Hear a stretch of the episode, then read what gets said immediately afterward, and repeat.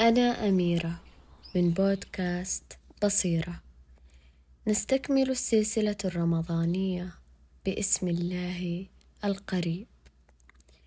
لطالما شعرت بالطمأنينة كلما آنست واستشعرت قرب الله مني فالمعاني تتجلى بالقرب والطمأنينة والأمان في اسم الله تعالى القريب. فهو القريب من عباده. قرب سمع وقرب إحاطة. قال تعالى ونحن أقرب إليه من حبل الوريد. دخل الرسول صلى الله عليه وسلم المسجد فإذا بصحابته الكرام يدعون ربهم بأصوات جهيرة مرتفعة فقال اربعوا على أنفسكم. فإنكم لا تدعون أصما ولا غائبا. إنكم تدعون سميعا قريبا.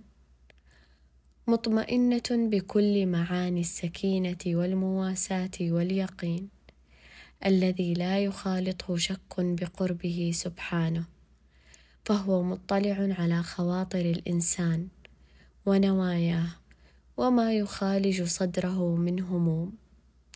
ومن معاني اسم الله القريب أنه مهما ابتعدت عنه تبقى في نطاق رحمته وأينما اتجهت تجده اتجاهك سبحانه.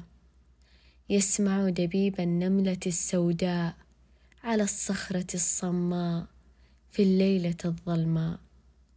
قال تعالى وعنده مفاتح الغيب لا يعلمها إلا هو ويعلم ما في البر والبحر وما تسقط من ورقة إلا يعلمها ولا حبة في ظلمات الأرض ولا رطب ولا يابس إلا في كتاب مبين. ويأتي في كتب العقيدة أن لله معيتين.